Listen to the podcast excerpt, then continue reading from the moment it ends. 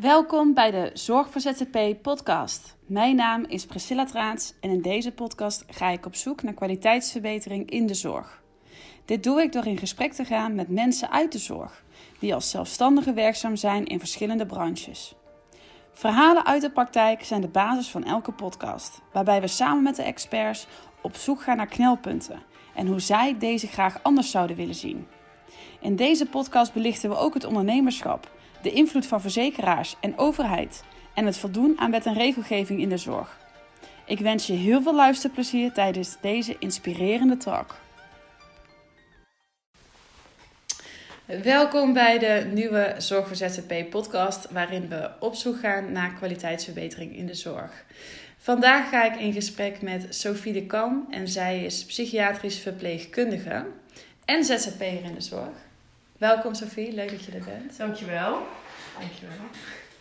Ik vind het A, superleuk om weer te kunnen praten over de psychiatrie. Uh, maar jij doet de crisisdienst onder andere. Klopt. Ja. Kun je daar iets over vertellen? Ja, op dit moment ben ik, uh, of nou ja, sinds april eigenlijk ben ik als ZZP'er aan de slag gegaan. En um, eigenlijk mijn eerste grote opdracht was dan uh, bij de crisisdienst.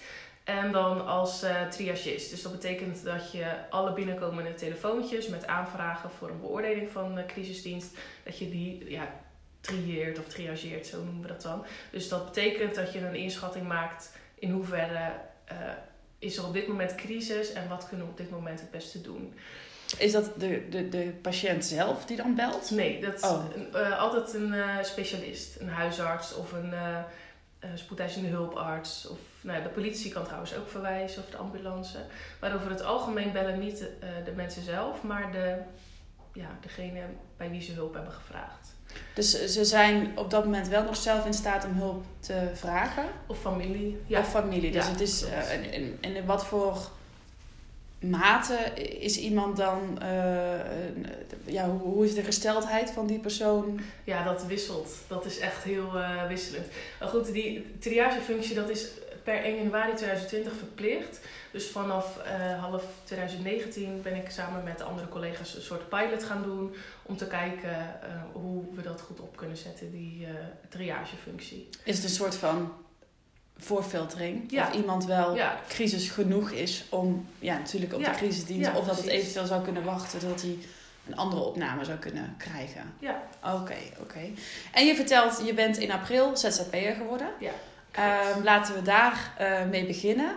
Uh, wat, wat was de reden dat je ZZP'er wilde worden?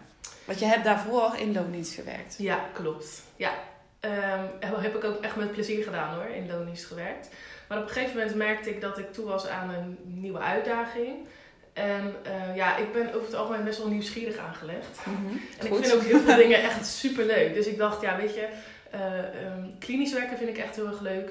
De psychiatrische afdeling heb ik echt super leuk gevonden. Maar ik was ook heel benieuwd naar de ambulante setting. Zo noemen we dat dan, zeg maar, alles wat uh, ja, in de huisomgeving van de patiënt aan zorg gebeurt, noemen we ambulante zorg. Ja. Dus daar was ik heel erg benieuwd naar hoe dat zou zijn. En ik was ook heel erg benieuwd naar het hebben van een eigen onderneming. Het leek me echt, het was een soort van heel erg onbekend terrein voor mij. Maar uh, dat sprak me heel erg aan. En ik had wat goede verhalen van collega's gehoord, die ook heel enthousiast waren. Wat sprak je daar zo in ja, aan? de afwisseling. Dat je echt voor korte, um, korte periode ergens werkzaam bent. Dat je daar ervaring op kan doen en dat je er ook nou ja, wat kan geven natuurlijk. Ja. Um, om zo te kijken wat ik uiteindelijk heel erg leuk vind of wat er echt bij me past. Dus als ik het goed begrijp, werk jij korte periodes voor verschillende instellingen ja. en ben je dus ook actief in verschillende teams waarin je werkt? Ja, klopt.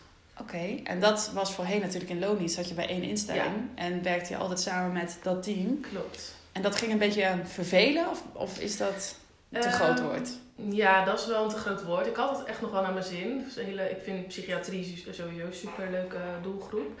Maar um, ik merkte dat ik gewoon behoefte had aan, hoe, uh, aan een andere manier van werken. Ja. En ook uh, hoe andere instellingen met bepaalde problemen omgaan, bijvoorbeeld. En wat is dan die andere manier van werken waar je. Uh, waar je nu, want nu heb je het bijna al een jaar ervaren. Ja. Wat is er zo anders aan het ondernemerschap dan, in, dan wat je in loondienst ervaarde? Ik merk dat ik veel meer op mezelf als verpleegkundige, maar ook op mezelf als persoon ben terug geroepen, zeg maar. Dat ik echt meer zelf moet nadenken van waarom, waarom doe ik dingen zoals ik ze doe. Ja. Uh, wat maakt mij nou een goede verpleegkundige? En nou ja, dat ik echt meer... Je kunt jezelf meer ontwikkelen als persoon zijn. Ja, en precies. Als, ja. En ook echt meer zelf ben gaan nadenken. Ja, dat klinkt een beetje stom misschien, maar op een klinische afdeling dan uh, voer je gewoon beleid uit wat, dan, wat je dan samen met het team hebt afgesproken. Ja. Um, en ja, daar kan je het mee eens zijn, daar kan je het niet mee eens zijn, maar dat moet gewoon zo gebeuren. Terwijl als ZZP'er en ja, bepaalde projecten die ik dan nu doe, dan kan ik ook veel meer nadenken van joh, waarom doe ik dingen zoals ze doen? Of wat, wat vind ik er nou eigenlijk van? Dus dat hele ondernemen heeft voor mij een soort van switch in mijn mindset gegeven, waardoor ik meer uh, ja, kritisch ben gaan nadenken, denk ik, over mijn uh, rol. Wat was de reden dat dat in loondienst niet kon dan? Want je moet nog steeds bepaalde protocollen volgen natuurlijk. En je hebt nog steeds te maken met hoe een instelling wil dat jij werkt. Ja. Heb je als ZZP'er meer uh, invloed? Of meer, uh, wordt er beter naar je geluisterd? Of heb je... Mm, ja, dat niet, dat niet per se. Ik denk niet dat daar het, zo heel erg het verschil in zit.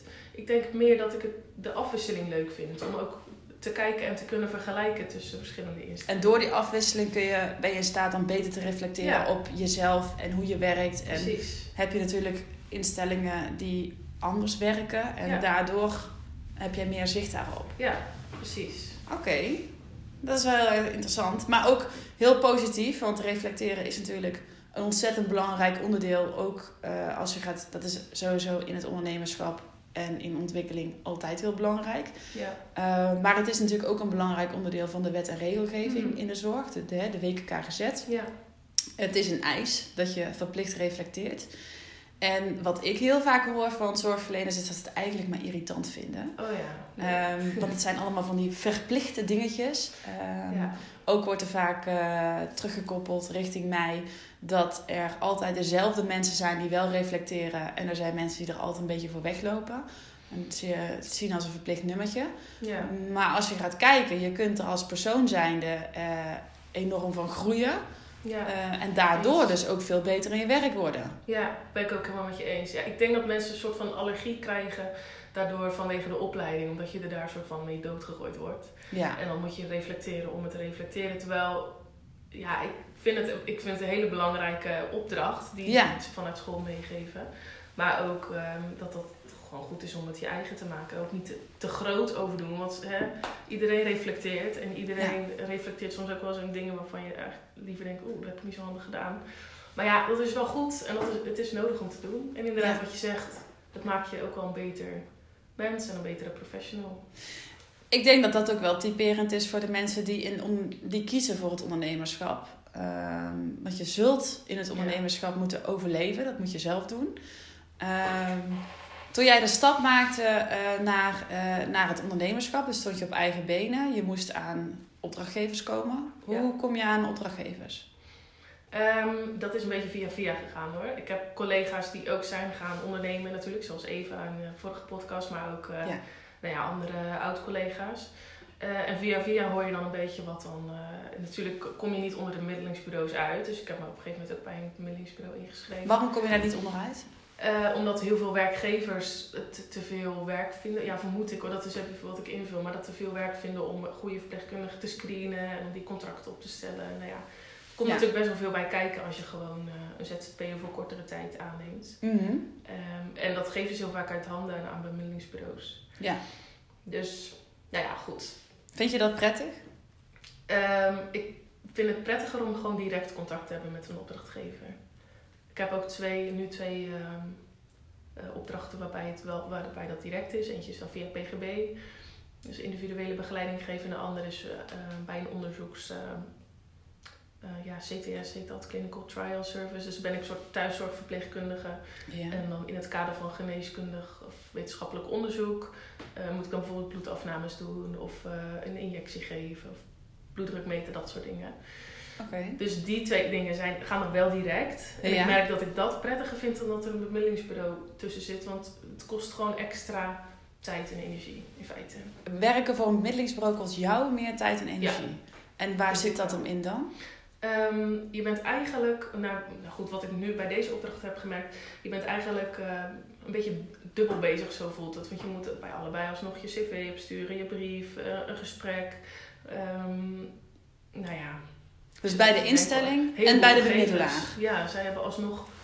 heel De veel bemiddelaar zet nodig. jouw gegevens niet door naar de instelling. Nou ja, dat is wel de bedoeling, maar dat Ja. loopt. Ik heb gemerkt dat dat niet heel le- lekker loopt. Oké. Dus voor mij kostte het eigenlijk wel meer eh, moeite Ja, dan dat het opleverde. Het le- heeft me hele leuke opdracht opgeleverd hoor, bij de crisisdienst. ja, Dus ik heb het er wel voor over. Maar ehm, het had makkelijker gekund.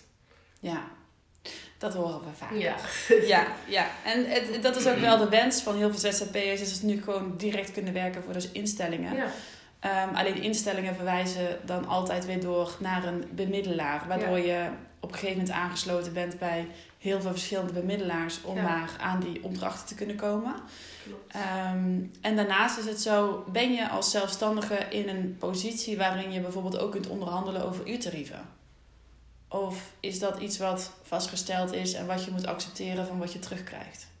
Nee, er is wel ruimte in hoor, om te onderhandelen. En dan onderhandel je met de bemiddelaar of met de instelling? Eh, met de instelling. Dus je hebt daarna wel, dus het is eigenlijk een soort van match wat er gemaakt wordt. Ja, En daarna heb je direct contact met de instelling. ja. Nou ja, ik heb zeg maar twee keer onderhandeld dan over, over mijn eh uurtarief. En de eerste keer was dan wel door het bemiddelingsbureau, waarbij ik dan mijn tarief aangaf. En ehm, dat de opdrachtgever er uiteindelijk mee akkoord ging. En later heb ik nou ja, zelf met de opdrachtgever onderhandeld. En dat dan doorgegeven aan het bemiddelingsbureau.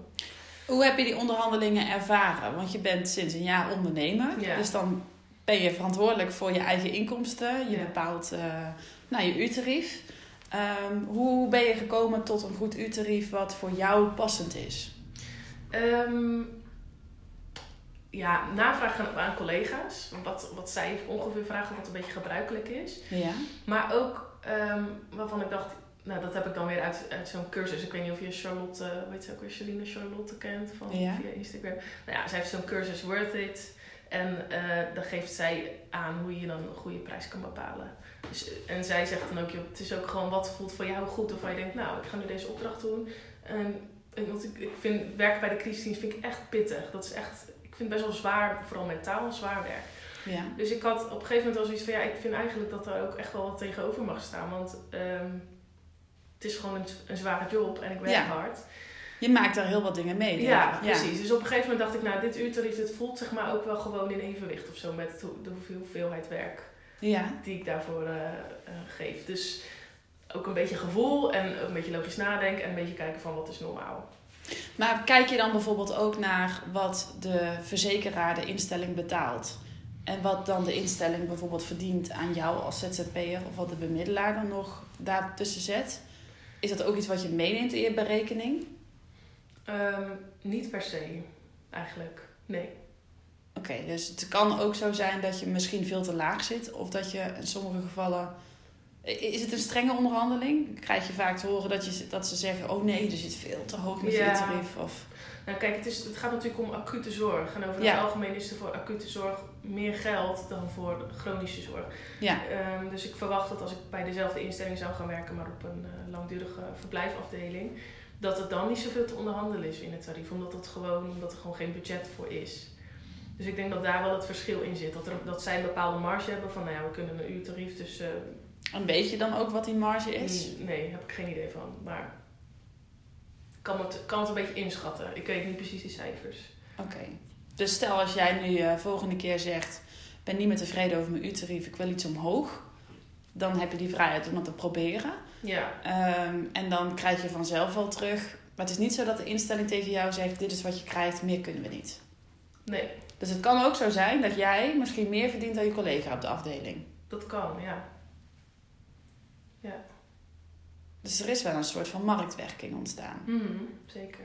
En wat vind je daarvan, die marktwerking in de zorg? Is het een positieve ontwikkeling? Mm, Zoals jij hem hebt ervaren als ZZP'er, Ja. hè? Dus als je echt eh, kijkt... ja, als ZZP'er is het natuurlijk een positieve ontwikkeling. Want, ehm, ja, heel eerlijk, je verdient, als, je, als ZZP'er verdien je gewoon meer dan dat je in loondienst werkt. Er staat natuurlijk ook wel meer werk tegenover. Je hebt natuurlijk je administratie, nou ja, je uurtarief, allerlei onderhandelingen. Het is Je hebt meer verantwoordelijkheden. Ja, ja, ja, Ja. precies. Ja. je bent, het, is, het kost meer werk om eh, hetzelfde werk te doen eigenlijk, maar dan wel tegen een hoger tarief. Ja. En hoe ga je bijvoorbeeld om met jouw reserves? Hè? Want jij bent nu ondernemer, dus eh, je hebt ook meer risico als dat je in loondienst werkt. Zo Mhm. ziet de overheid het ook. Ehm, stel nou, je wordt ziek en je bent langer dan drie maanden ziek. Ja, Heb jij daarvoor gekozen om dat te verzekeren? Of heb Ja. je dat zelf georganiseerd? Of heb je een... ja Potje. ik heb wel een AOV-verzekering. En daar heb je- ja. verzekering, maar die betaalt volgens mij na drie maanden, ja. Zeg ik even uit mijn hoofd. Maar Ja, dat is natuurlijk afhankelijk van de premie ja. en dan heb je daarmee, ja. En als je op vakantie gaat, hoe heb je dat? Heb je hetzelfde aantal vakantiedagen per jaar als toen je in loondienst zat? Heb je meer? Of merk je in de praktijk dat je eigenlijk veel minder vakantie hebt? Ehm, ik denk dat laatste, maar ik ben- merk ook dat ik minder echt behoefte heb aan vakanties of zo. Ja, je haalt zoveel uitdagingen uit het ondernemen Ja, dat maar je ook, het minder ehm, nodig hebt. Op momenten dat ik dan een vakantie heb geboekt, dan denk ik, oké, maar dit is nu ook gewoon, dit zijn gewoon eventjes mijn weken. En in- loondienst merkte ik, dan leef je heel erg uit naar vakanties. Ja, Ehm, en dan moet je dat ook al heel ver van tevoren plannen hoor. Want je moet zeg maar met kerst moet je al weten wanneer je op zomervakantie gaat ongeveer. en dat heb je nu niet. En nu, nee, nu is het ook een beetje op basis van aanbod van werk. Ik weet gewoon in de zomer ga ik, nou ja, na mei, ik ga mei nog op vakantie. Maar na mei ga ik niet meer op vakantie, omdat ik weet dat er dan veel werk is. Ehm, dus ik ga liever in, eh, weet ik veel, november of eh, ergens Ja. aan het einde van het jaar nog een keer dan Logisch ook, ja, natuurlijk. Hartstikke logisch. Want natuurlijk in de zomer hebben al die afdelingen te maken Ja. met personeelstekort. ja, En dan is er ruimte om dat op te laten vangen door ZZP'ers. precies. Ja, En jij werkt eh, in de crisisdienst. ja klopt, sorry. Geen probleem hoor. Je werkt eh, eh, op, de, ja, op de crisisdienst. Ja. Ehm, kun je ons eens meenemen in een gemiddelde dag? Elke dag is natuurlijk anders, Ja. maar neem ons eens mee in een dag. Hoe ziet jouw dag Ja. eruit? Nou, je moet de crisisdienst eigenlijk zien als een soort eh spoedeisende hulp voor mensen met eh, psychische klachten. En ehm, de crisisdienst is er eigenlijk vooral om eh, te voorkomen dat mensen zich suicideren. Of te voorkomen dat mensen zich, ehm, nou ja, zichzelf iets aandoen. En dan kan het zijn vanuit bijvoorbeeld een psychotische toestand of vanuit een depressieve toestand. Ehm, dus nou ja, mijn werkdag bij de crisisdienst hangt een beetje af van wat mijn functie die dag is. Want we hebben verschillende functies, zeg maar. Er is dan een psychiater. Eh, ik ben dan psychiatrisch verpleegkundige. En er is altijd een, eh, eh, een triagist. En de triagist, dat is dus een psychiatrisch verpleegkundige. Je hebt dan een voorwacht. En de voorwacht en de psychiater. Die doen samen het beoordelingsgesprek. Mhm. Dus ik heb... Telefonisch, Nee, dat is face-to-face. face-to-face. Ja. Dan is diegene al bij jullie op de afdeling. Ja, je moet het soort zien als een soort van polykliniek. Dus mensen Ja. kunnen inderdaad of bij ons komen. Maar wij kunnen bijvoorbeeld ook eh, naar het politiebureau toe gaan als dat eh, nodig is. Als iemand is opgepakt, bijvoorbeeld in verwarde toestand, die eh, iemand met een mes heeft bedreigd. Terwijl die heel erg allerlei psychotische belevingen heeft. Dus dan kunnen we naar het politiebureau toe gaan om daar de beoordeling te doen.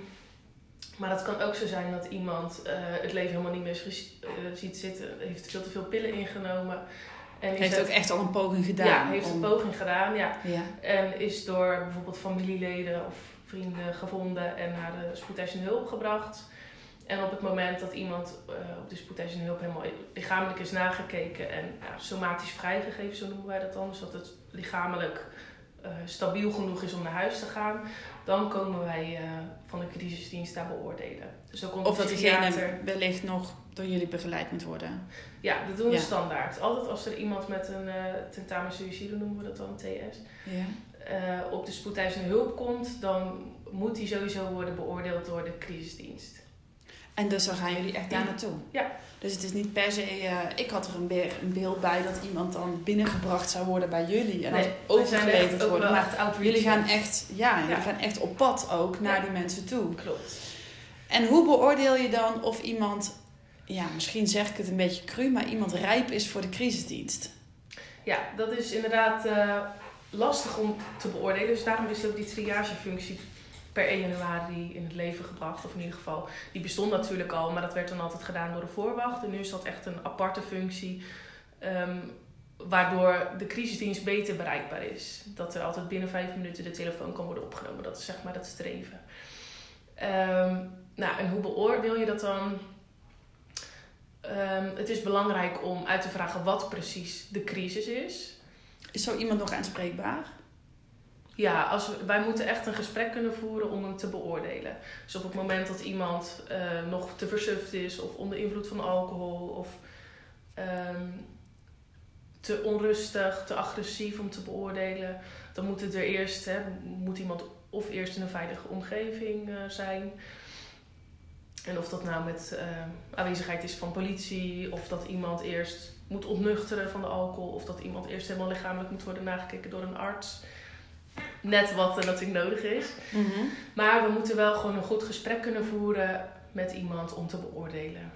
En met een goed gesprek bedoel ik, je moet iemand aan kunnen kijken, iemand hè, moet antwoord kunnen geven. Of dat nou Kijk, als iemand heel erg psychotisch is, dan hebben we geen gesprek van een uur. Dan is het misschien vijf minuten of een kwartier. Maar dan kun je constateren, hij is psychotisch, ja. dus we moeten nu, we moeten nu handelen. nemen, bijvoorbeeld. Ja, ja. oké. Ja, dus, Hoe vaak is er uh, drugs of alcohol in het spel? Um, of agressie? Agressie, ja, wat is vaak? Ja, weet je, het is uh, het is natuurlijk spoed. Dus we hebben dagen, dan is er niks. En we hebben dagen, dan komt er een na de andere achter elkaar. Maar hoe, hoe komt vaak... dat, denk je? Ja, goed, weet je, dat is op een spoedeisende hulp. Wanneer brengt iemand een been? Ja, dat weet je niet van tevoren. Nee, maar je kunt bijvoorbeeld uh, wel pieken per jaar zien. Hè? Ja, uh, in het nieuwe klopt. jaar, januari van het is jaar, altijd einde van het jaar. December is heel druk. Ja, ja. heeft toch ook wat te maken met stress, met feestdagen of... Um, ja, Kortere mensen dagen. zijn dan toch bepaald of een beetje onrustig of zo. Ja. ja. Want dan zie je vaak, hè, na skivakanties, zie je ook vaak meer mensen die botten breken, benen breken. Dat ja. zie je als een soort van piek. Ja. In de zomer, uh, over het algemeen, zijn mensen natuurlijk vrolijker. Ja. Hè, hebben we meer vitamine D. Uh, in de winter merk je toch dat er mensen wat... Nou, depressief is misschien een groot woord, maar mensen zijn wel, wel wat meer down. Ja, um, klopt. Op het moment dat de blaadjes van de bomen vallen, dan krijg je ja, dan merk heel je veel dat. verzoeken voor de beoordeling van de suicidaliteit. Ja. ja, dus dan zie je wel bepaalde pieken natuurlijk Klopt. meer uh, uh, terugkomen. Ja. Um, en dan heb je de crisisdienst, hebben we het dan altijd over psychose. Uh, wat mensen dat hebben, of kan het ook zo zijn dat mensen gewoon echt niet meer willen leven. En dat jullie Ja. proberen ze daarvan af te halen. Dus dan hoeven ze niet per se psychotisch te zijn, toch? Nee, dan zijn ze depressief of hebben ze somberheidsklachten. Uh, en nou ja, voor, voordat ze bij ons komen, hebben ze vaak nog geen diagnose. Ja. Het kan natuurlijk wel dat ze eerder al bekend zijn met uh, um, depressieve klachten, maar vaak is dat dan inderdaad vanuit uh, somberheid kunnen suicidale, ja, suicidale gedachten of klachten ontstaan. En de crisisdienst, dit is eigenlijk de dienst die je uh, belt zodra iemand gewoon echt op het punt staat, ga het nu doen. En dan zijn er hulpverleners die nog net op tijd hebben kunnen ingrijpen en die dan uh, ja, contact zoeken met jullie. Ja, ja kijk, echt als, iemand op, op de brug staat bijvoorbeeld, of boven op een flat, of Ja. iemand heeft de strop al klaar hangen, ja, dan moet iemand gewoon 1 en 2 bellen. Ja. Uh, want we, we, zijn wel, we kunnen wel snel ter plaatse zijn, maar wij zijn En dan gaan jullie echt daar naartoe? Nee, als er 1 en 2 wordt gebeld, dan gaat de ambulance daar naartoe. Of Ja. de politie. Als iemand op de brug staat, dan, eh, dan wordt 1 en 2 gebeld, bel- bellen ze de politie, die gaat daar naartoe. En als iemand thuis wordt gevonden, ja, dan wordt de, de ambulance gebeld bijvoorbeeld. Of, uh, of de huisarts. En dan komen ze via die weg Bij, bij ons terecht. terecht. Ja, Ja. ja. Ehm, iemand komt bij jullie binnen met psychotische klachten. Mhm. Eh, hij wordt opgenomen. De Ja. diagnose is, jullie hebben eh, gesloten afdeling, is het dan? Ja, er is een Gesloten afdeling? Ja. Ehm, en wat dan? Dan gaat iemand begeleid worden. Zijn dat, eh, is dat meteen al met gesprekken? Of, of krijgt iemand dan, wordt er beoordeeld met medicatie? Of wat, wat gebeurt er dan? Ja, dat is een beetje afhankelijk van, ja, van heel veel verschillende dingen eigenlijk. Kijk, als, het, uh, als wij als crisisdienst hebben beoordeeld en iemand... Uh, ja, daar heb je natuurlijk ook nog verschillende vormen in. Want sommige mensen kunnen nog zeggen, ja, ik wil graag worden opgenomen. Dan gaat het op vrijwillige basis. Mhm. Maar iemand kan ook zeggen, of, of gewoon niet een fatsoenlijk gesprek met ons voeren. Um, maar waarvan wij wel vinden dat die moet worden opgenomen. Dan kan het met een crisismaatregel. Dus dan een gedwongen opname.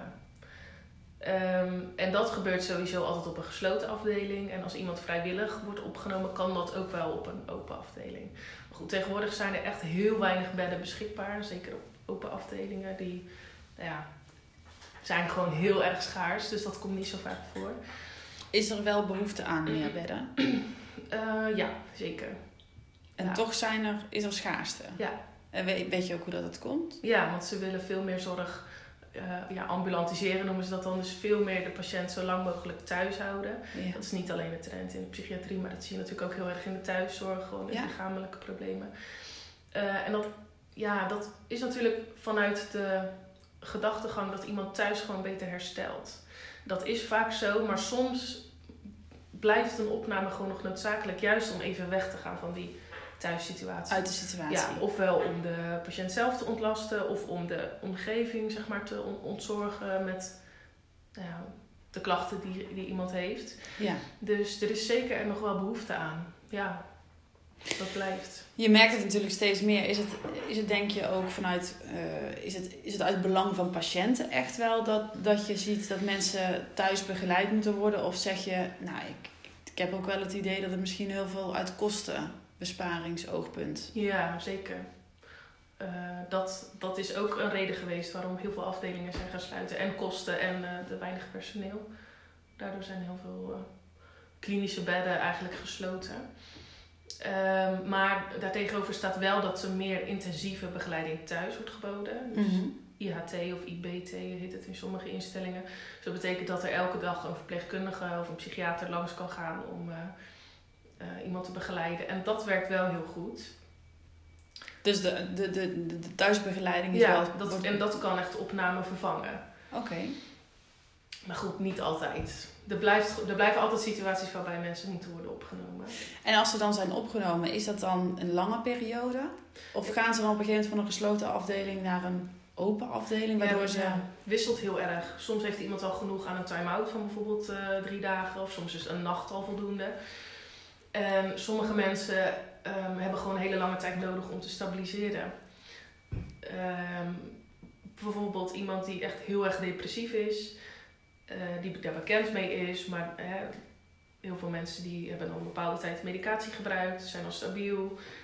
Ehm, en die willen het gewoon even proberen zonder medicijn. En dat is, ja, dat is goed. Want je moet natuurlijk altijd gewoon even kijken of dat lukt. Of altijd. Er zijn gevallen waarbij dat begrijpelijk is en goed is dat, dat, dat je even probeert om eh, ehm, zonder medicijnen te gaan. Ehm, maar goed, dan kan het gebeuren dat iemand toch weer heel erg depressief wordt en suicidaal en het leven niet meer ziet zitten en een einde aan zijn leven wilt maken. Waardoor diegene dan eh, toch moet worden opgenomen. Maar bij antidepressiva is het zo dat dat minimaal zes weken duurt voordat je effect kan verwachten. En soms moet dat op een afdeling, als het gewoon niet veilig is om dat thuis eh, te doen. Ehm, dus nou goed, dan zit iemand zeker wel zes weken op afdeling. Dat betekent niet dat dat altijd gesloten is. Want ja, je kan bijvoorbeeld ook onder begeleiding van een verpleegkundige naar buiten. En als het op een gegeven moment goed gaat. Heb je ook met gesprekken met, die mensen? Dat ze, ja, wat is de reden dat, dat mensen op een gegeven moment willen... Ik, persoonlijk gezien ben ik groot voorstander van zo snel mogelijk afbouwen van medicijnen. Omdat je, ik denk zelf dat als jij depressieve klachten hebt, ehm, dan begrijp ik dat je de hele hoge pieken er op dat moment van af wil halen. Maar daar zitten mensen jarenlang aan de antidepressiva. ja. En er is natuurlijk een reden waarom ze zo depressief zijn. Er is een onderliggende reden. En daar zul je mee aan de slag moeten gaan. Doe je dat met therapieën? Of, maar dat, zou, dat kun je met medicatie kun je natuurlijk de oorzaak niet oplossen.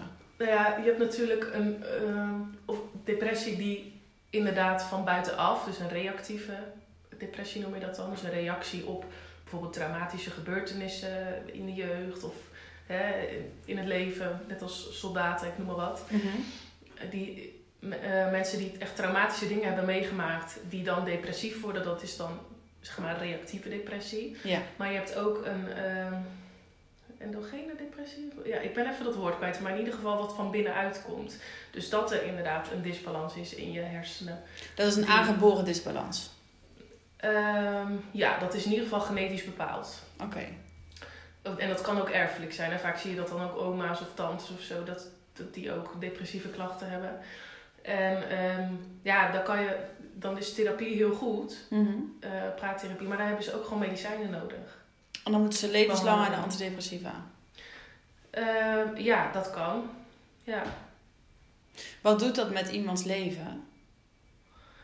Ehm, ja, het, het, is natuurlijk sowieso heel heftig. Depressies kunnen echt. Uh, goed, ik heb het nooit gehad gelukkig. Maar wat ik zie en wat ik hoor van mensen, dan denk ik zo. Dat, is echt heel heftig. Echt in de, dalen zijn heel diep. dal van hun leven, ja. ja. En daar komen ze zelfstandig niet uit. Nee. Je hebt mensen die komen uh, niet zelf uit een depressie. En die hebben dan hulp nodig door middel van medicatie. Ja. En uh, hoe weet je of het genetisch bepaald is? Dus of mensen dus levenslang aan de medicatie moeten, of dat het een reactieve depressie is? Het wil niet altijd zeggen dat uh, als het genetisch bepaald is, dat je dan levenslang aan de antidepressiva moet. Maar dat is. Um, ja, kijk, zoals ik net zei, sommige mensen proberen gewoon even een periode te, te stoppen met medicatie om te kijken hoe dat werkt. Ja. Um, maar er zijn mensen die zeggen, nou ja, ik ben beter met medicatie, dus ik slik dat liever de rest van mijn leven lang, dan dat ik weer uh, die ellendige depressie Ze zijn bang voor de diepe dalen. Ja. Dus de, ja, natuurlijk zijn dat een beetje uh, de voor- en nadelen tegen elkaar afwegen. Maar er zijn mensen die doen het goed op antidepressiva, ook hun hele leven. Die kunnen werken, die kunnen een gezin uh, onderhouden. Natuurlijk zullen ze vast meer begeleiding en hulp nodig hebben dan zijn ze emotioneel ook vlakker? Um, ja, nou ja, goed. Je emoties worden natuurlijk wel wat meer afgevlakt. Ja. Ja, want de balans in de hersenen met ja, hormonen en, en de aanmaken, communicatie onderling wordt natuurlijk meer gebalanceerd omdat die, die disbalans er is. Ja, maar dat betekent niet dat iemand niet kan lachen of geen, geen leuke geen vakanties kan hebben, geen lol kan hebben in zijn leven of niet meer kan genieten. Maar dat ligt natuurlijk ook aan de dosering. Ja, denk ik ook. En op een gegeven moment ook aan, want je, je lijf moet er ook aan wennen natuurlijk. Mhm. Dus op een gegeven moment zijn mensen stabiel met een bepaalde dosis medicatie. Maar goed, ik vind het een beetje een lastige vraag om te beantwoorden, want ik heb, ik heb het nooit snap ervaren. Ik, en ik zie natuurlijk alleen aan mensen wat ze. Um, nou ja, hoe ervaar jij mensen die bijvoorbeeld bij jou op de crisisafdeling binnenkomen? Um, hoe kijken die mensen zelf bijvoorbeeld tegen hun eigen leven aan? Kun je daar iets over vertellen?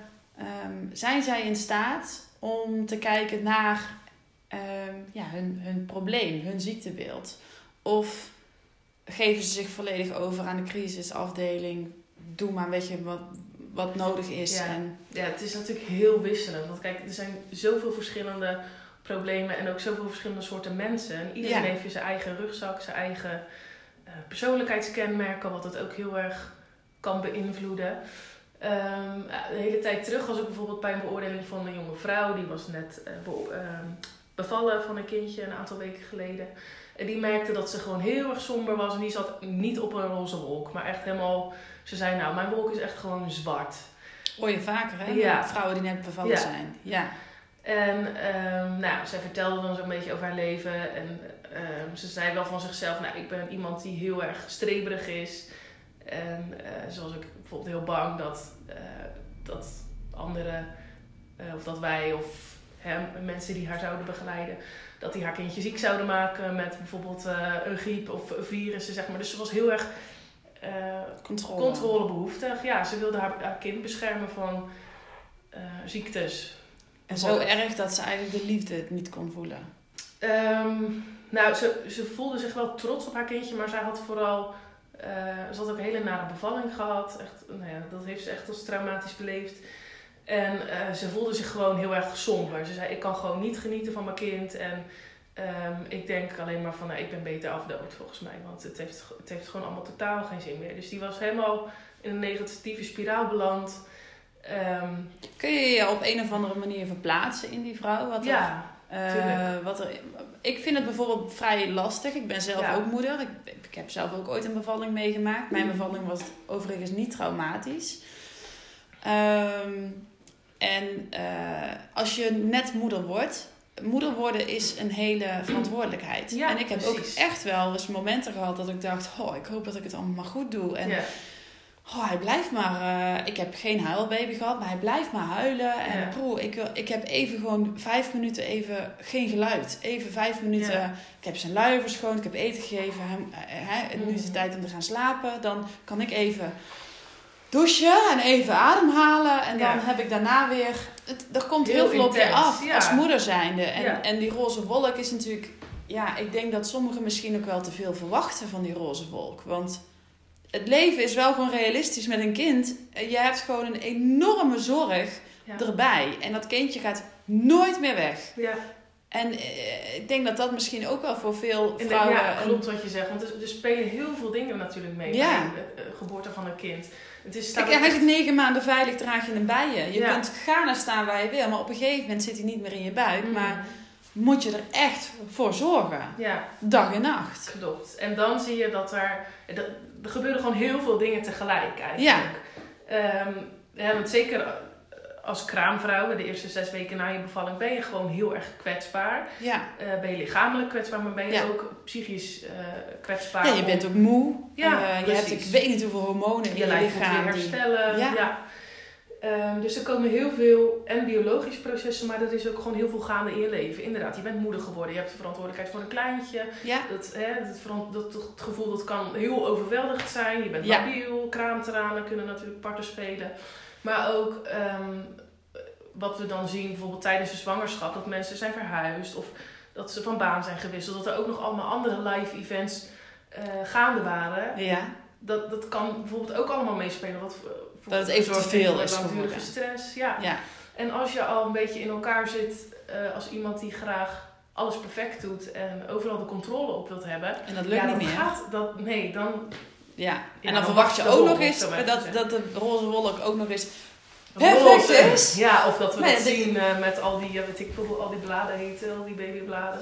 Borstvoedingsmafia krijg je op je af. Eh, Ja. nou ja, Ja. dat is gewoon heel erg veel voor, voor moeders. Zeker ook als, als je het lastig vindt om dingen te filteren. Wat ik me ook wel kan voorstellen, want je hoort van iedereen allerlei adviezen. Iedereen, Ja. tenminste de half, halve wereldbevolking, eh, heeft Klopt. daar ideeën over. Dus ja, dat krijg je Nou ja, het is, allemaal het- ik heb zelf ook echt wel ervaren dat ehm, ik heb besloten toen ik net zwanger was, en dat heb ik natuurlijk ook met mijn vriend overlegd, ik wilde geen borstvoeding geven. En ehm, dat kwam eh, omdat het voor mij op dat moment niet fijn voelde, want ik, ik vond het niet zo heel erg prettig als ik overal ehm, ja, borstvoeding moest geven. ja. En ik vond het heel erg fijn als ik ehm, als de vader ook Ja, gewoon dat dat je kan intieme momentje kan hebben met zijn, hè, met zijn kindje. Want ik, ik heb hem negen maanden lang bij me gedragen. En ja, hij wordt ook maar papa. En ik vond het juist heel erg mooi om te zien dat hij ook het flesje aan het kindje kon geven. En dat Ja. opa en oma ook deelgenoot konden maken van het intieme moment van voeden. Hè? ja. En ik weet nog dat, ik, dat het echt een weloverwogen keuze van mij was. Die ik had overlegd natuurlijk ook met mijn vriend. En dat hij het ook helemaal prima vond. En dan zit je bij de verloskundige en de verloskundige die zegt... Borstvoeding? Eh, geen borstvoeding. Weet je dat zeker? Want, en, en dan krijg je het... Ja, ik weet het 100% zeker. Je wordt bijna aangekeken alsof je niet goed wijs bent. ja. Van hoe, hoe kun je het je kind aandoen? En als je dan dus moeder wordt... eh, dan ben je gewoon emotioneel gezien ja. instabieler. Ik denk dat, is je zo. gevoeliger bent wel. Je bent veel gevoeliger. ja. Zeker weten. Zeker Want, bij de eerste. ja, het is spannend. Je weet compleet niet wat je te wachten staat. Want je weet echt niet wat er gebeurt als je moeder wordt. Daarna, Nee. Dat ga je daarna allemaal pas ervaren. Het is niet alleen maar leuk. Het is absoluut niet zo. Het is een prachtige ervaring. Maar er zijn ook gewoon momenten dat je het gewoon even niet zo leuk vindt. Ja. Ehm, maar het, het, het, is inderdaad, er wordt best wel een druk op je gelegd. En als je dan op een gegeven moment gaat bevallen en je hebt ook nog eens een traumatische bevalling die Ja. gewoon mega veel pijn doet. En, ehm, en dan eh, slaaptekort komt er overheen. En je wil het allemaal perfect doen. En je, je merkt gewoon dat je de controle verliest. Dan is het dan zo dat mensen depressief zijn.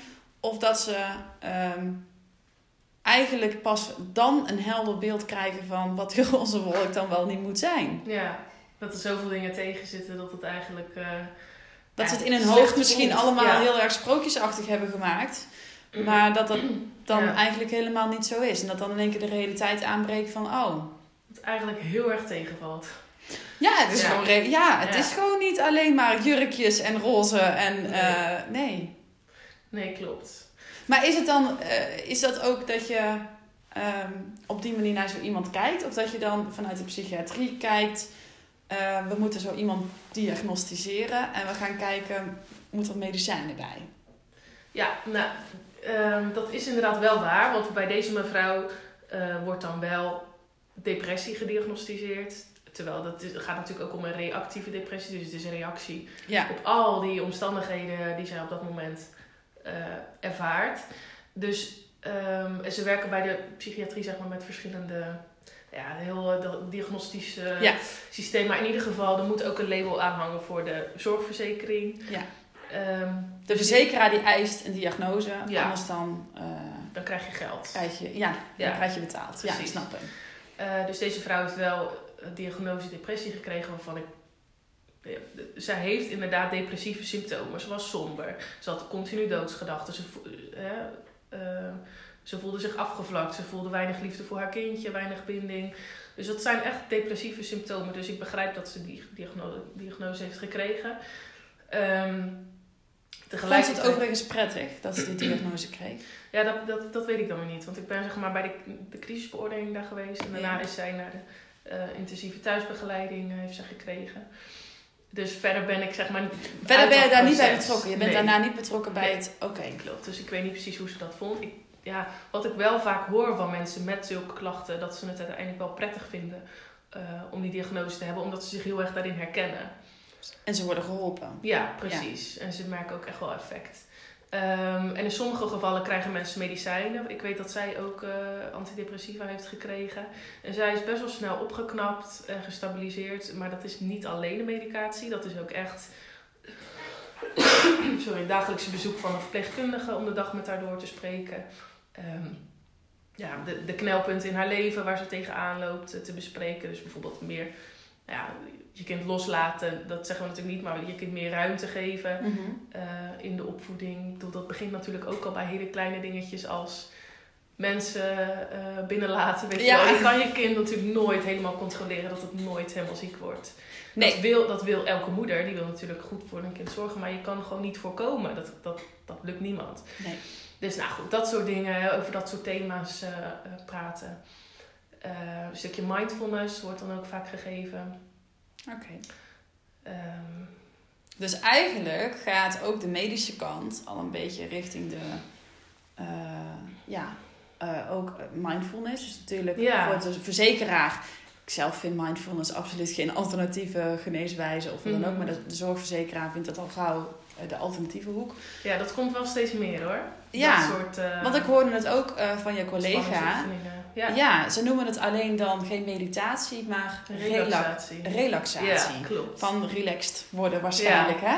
Ehm, het, het komt eigenlijk op hetzelfde neer als mediteren en proberen de stilte in je hoofd wat meer te vinden. En dat gebeurt dus ook binnen de psychiatrie. Ja. Dus ook daarbij zijn er. eh, eh, je hoort het steeds meer dat mensen uit de medische zorg toch ook wel die andere kant erbij gaan betrekken. Ja, Dat- zeker mindfulness is natuurlijk intussen heel goed onderbouwd dat dat ook echt heel erg effectief kan zijn om Ja.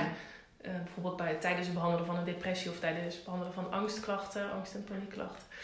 Dus ehm, nou ja, ik denk dat het allemaal een beetje achterloopt, ja, zeg maar. ja, ja, en dat moet natuurlijk een beetje geopend worden dat mensen daarvoor Ja, eh, dat kost bereid tijd. zijn. Ja. Ja. Ja, We zijn in deze podcast natuurlijk op zoek naar kwaliteitsverbetering in de zorg. En je hebt een heel mooi kijkje kunnen geven in jouw wereld van zorgverlener.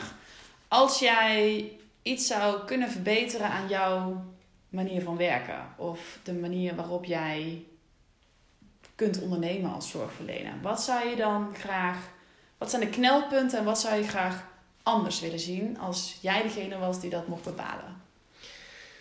Waar we heel erg tegen aanlopen, en dat is in heel Nederland zo, weet ik, eh, zijn er wachtlijsten.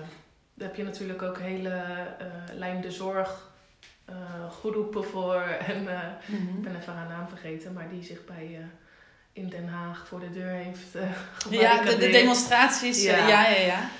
ja. We merken gewoon heel erg dat mensen in crisis raken. En omdat ze moeten wachten op behandeling.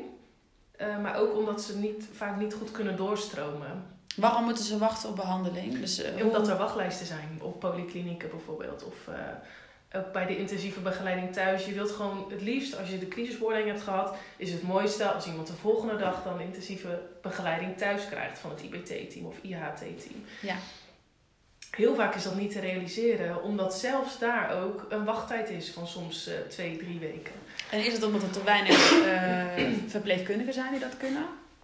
Uh, ja, het heeft te maken met personeelstekort. Het heeft ook te maken met budget. Want als de teams groter kunnen worden, als er meer budget is en als er meer personeel is, dan kunnen die wachttijden gewoon meer worden weggewerkt.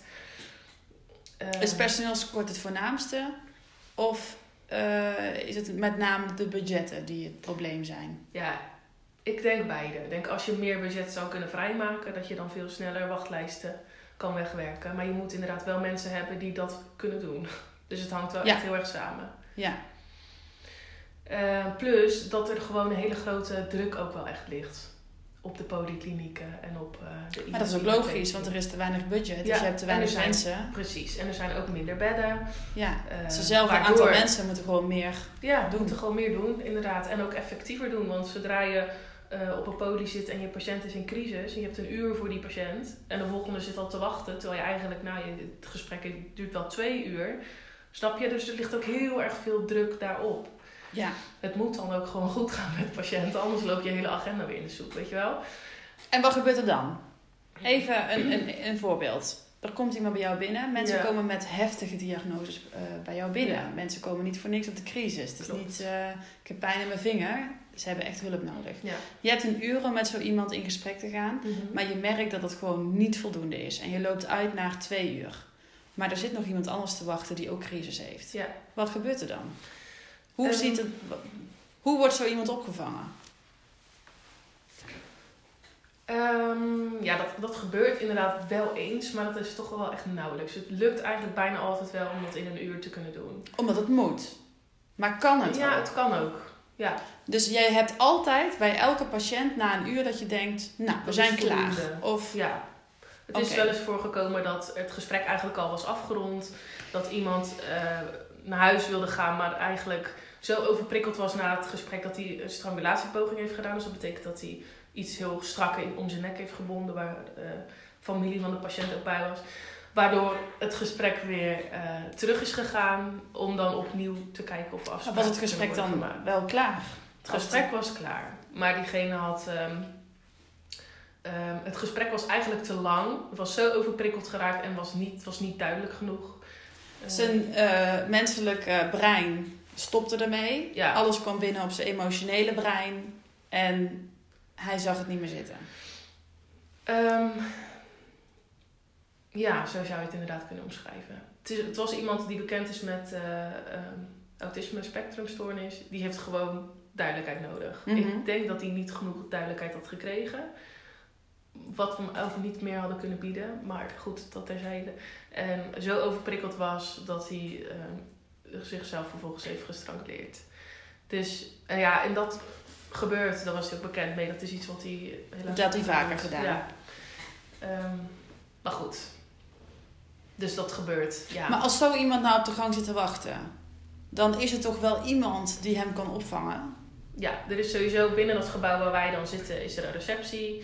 Ehm, die heeft altijd contact met ons of met de triagist. Dus als er echt wat gebeurt, dan kan zij ehm ja, noodalarm slaan, zodat wij daar komen. Maar het is eigenlijk, ja, weet je, we lichten mensen ook altijd in dat het kan gebeuren dat ze moeten wachten. Want ook al hebben we een planning gemaakt, de politie kan elk moment een verward persoon binnenbrengen, waardoor we genoodzaakt zijn om de volgende beoordeling uit te stellen.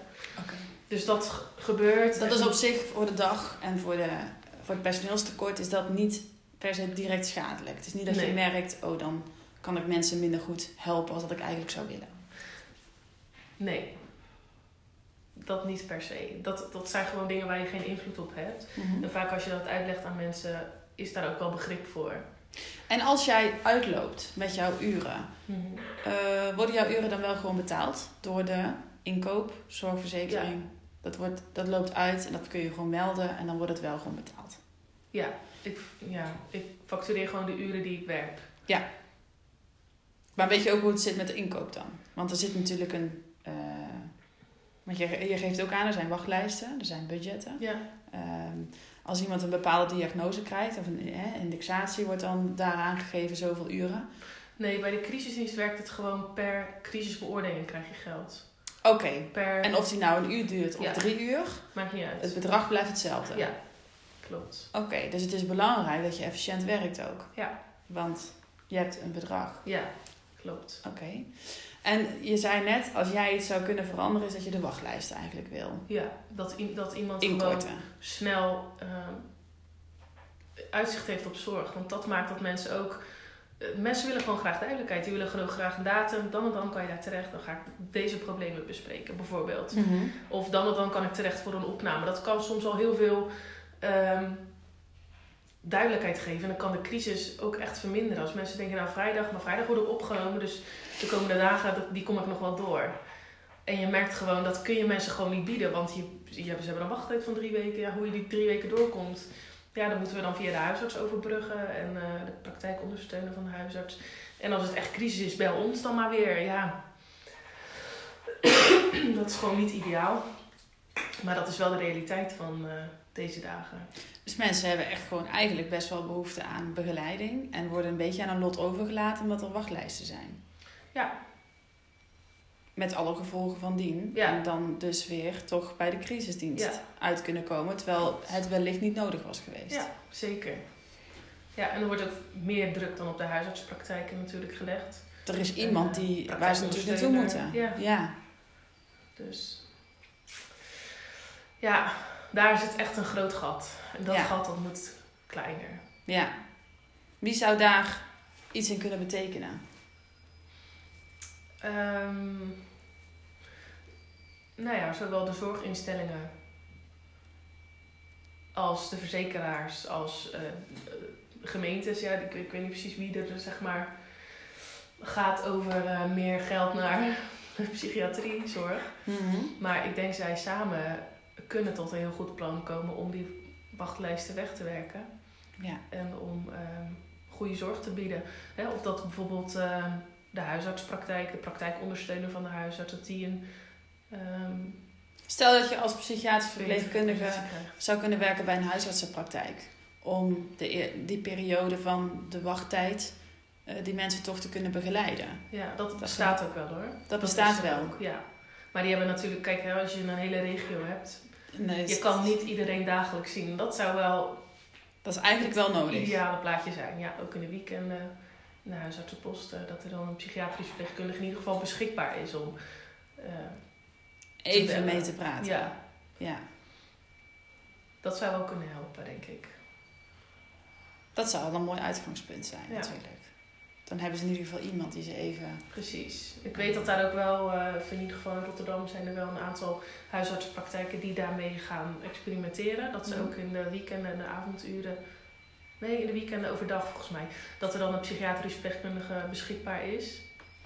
Dus dan heb je al een stukje, Extra begeleiding Ja, natuurlijk. een stukje gat zeg maar om te Ja. richten. Al, eh, Dus heb jij een beeld bij hoe lang die wachtlijsten zijn?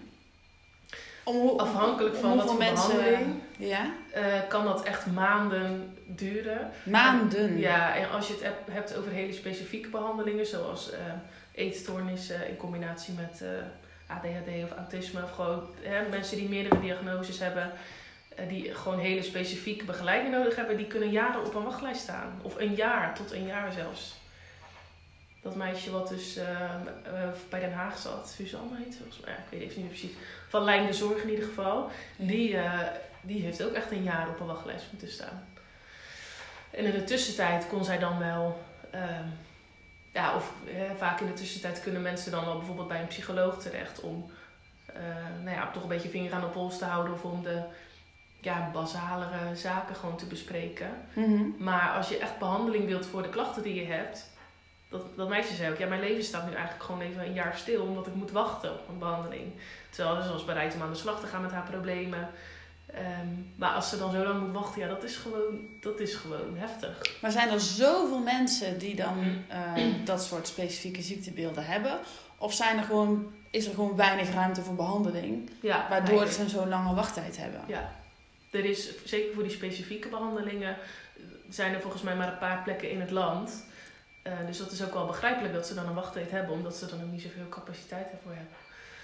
Eh, maar je ziet ook gewoon op de gewone poli, bijvoorbeeld de poli eh, angst en stemming of persoonlijkheidsstoornis, heb je ook zo'n wachttijd van meer dan vier maanden.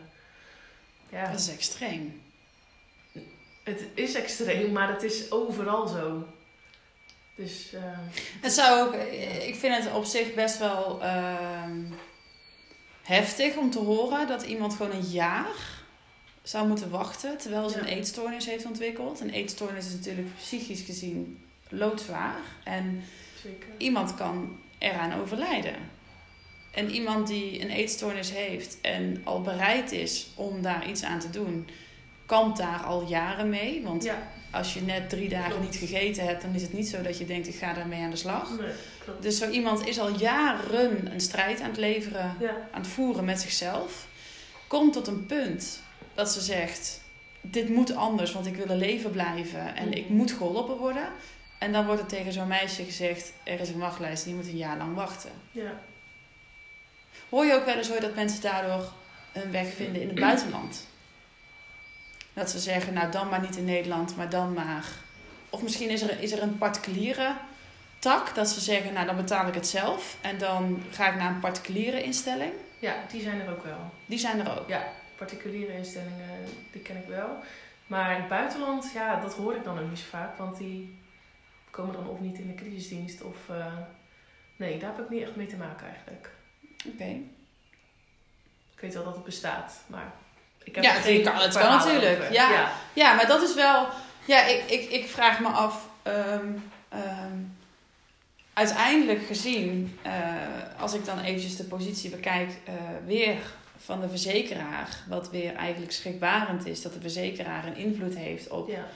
uh, op wachtlijsten en op budgetten. En dat zo'n meisje, we nemen even het meisje als mhm. voorbeeld, een jaar moet wachten totdat ze eindelijk geholpen mag worden uh, om, ja, om überhaupt gewoon niet dood te gaan. Ja. Um, dan kan zo iemand als ze het, het, het, vermogen hebben, kunnen ze dus de particuliere zorg opzoeken, waardoor ze het zelf betalen. Ja. Dat is natuurlijk kaasje voor de verzekeraars. Want hoe meer mensen die weg bewandelen, ehm, dan gaan ze natuurlijk die, die, die, die wachtlijsten nooit oplossen. Nee. Nee, klopt. Dus echt een ingewikkeld uh, en frustrerend ook. Ja, natuurlijk voor de, ook als behandelaar of als uh, verpleegkundige als je betrokken bent bij de behandeling. Ja, dat, dat Heb je nooit uh, dat je iemand binnenkomt die dan binnengebracht wordt en, en die dan lang heeft moeten wachten, dat je echt bij jezelf denkt, als jij vier maanden eerder geholpen was, dan hadden we zoveel meer voor je kunnen doen dan waar je, waar je je nu bevindt? Nou, niet, niet zoveel meer kunnen doen, maar dan, hadden we, dan had dit niet hoeven gebeuren. Dat denk ik wel vaak. Dan was het niet nou, uit de hand Als niet had hoeven wachten op... Uh, een plek bijvoorbeeld, dan had het niet uh, hoeven gebeuren. Wat niet wil zeggen dat het nooit zou gebeuren, denk ik. Mm, tuurlijk. Want je kan dat is een soort van uh, troost. Hè? Van, ja, ja, sommige dingen dat, die gebeuren gewoon. En dat, heb je gewoon, dat, dat kan je gewoon niet voorkomen, denk ik. Maar inderdaad, als mensen in crisis komen vanwege wachtlijsten, ja, kom op. Dat kunnen we gewoon voorkomen met z'n allen. En dat gebeurt vaak? Dat gebeurt, ja. ja. Zeker. Dat is heftig. Ja. Ja. Ik vind het een mooie afsluiting van deze podcast. Ehm, we hebben dus te maken met uh, best wel schrijnende gevallen in de zorg. Dat ze uh, door wachtlijsten onnodig misschien wel in crisistoestand komen. Of uh, compleet niet weten waar ze aan toe zijn. En ehm, de stap hebben gemaakt om hulp te gaan zoeken. En dan te horen krijgen dat ze een jaar moeten wachten met alle gevolgen van dien. En eigenlijk is de enige reden uh, dat er beperking is in inkoop. Dus in budgetten. Ja. En personeel natuurlijk. Dat is ook gewoon een probleem in uh, de hele zorgwereld. Maar klopt. Maar als ik hoor hoe enthousiast zorgverleners praten over een beroep mhm. en hoe gemotiveerd ze zijn om te werken, om mensen te helpen en als ik zie hoeveel zorgverleners er zijn in Nederland, dan heb ik heel sterk het idee dat het personeelstekort niet het grootste probleem is. Ja. Maar meer uh, werktekort. Dus er is wel heel veel werk, maar het wordt mhm. kunstmatig tegengehouden. Ehm, terwijl als we gaan kijken hoeveel zorg er eigenlijk beschikbaar is, uh, dan, dan, dan zou de zorg een, een, een, dan zou iedereen voor de zorg gaan kiezen. Ja. Toch? Ja, inderdaad. Ja. Ja. Hoe we dit gaan oplossen is natuurlijk niet bekend. Maar ik vind het wel heel erg goed dat dit bespreekbaar gemaakt wordt. Want jij zit op de crisisdienst. Jij komt die mensen tegen. En er zijn gewoon gevallen waarbij het gewoon eh, ja, natuurlijk ook niet goed afloopt, omdat er wachtlijsten zijn. Ja. En wat eigenlijk de impact is van wachtlijsten op ons zorgstelsel. En dan voornamelijk met mensen die gewoon echt hulp nodig hebben per direct, omdat het anders gewoon echt slecht met ze afloopt. Ja, Eh, we laten iemand met een gebroken been ook niet zes maanden wachten totdat hij in het gips mag. Hè? Want dat wordt ook meteen opgelost. Ehm, heb jij een laatste vraag? Heb jij het idee, en, en dat is ook een, een leuk voorbeeld dat we net hadden, iemand met een gebroken been wordt meteen geholpen. Daar zijn Mhm. geen wachtlijsten voor. Ehm, hoe komt het dat iemand met psychische klachten wel wachtlijsten hebben? Is dat iets omdat ehm, de overheid of verzekeraars het lastig vinden om met psychische klachten om te gaan? Of zien ze het niet per se als iets wat acuut opgelost moet worden? Ehm, goeie vraag, ook moeilijk. Ja, ik denk, we hadden heel erg, voor- even voor, de, voor deze podcast hadden we het natuurlijk ook over stigma.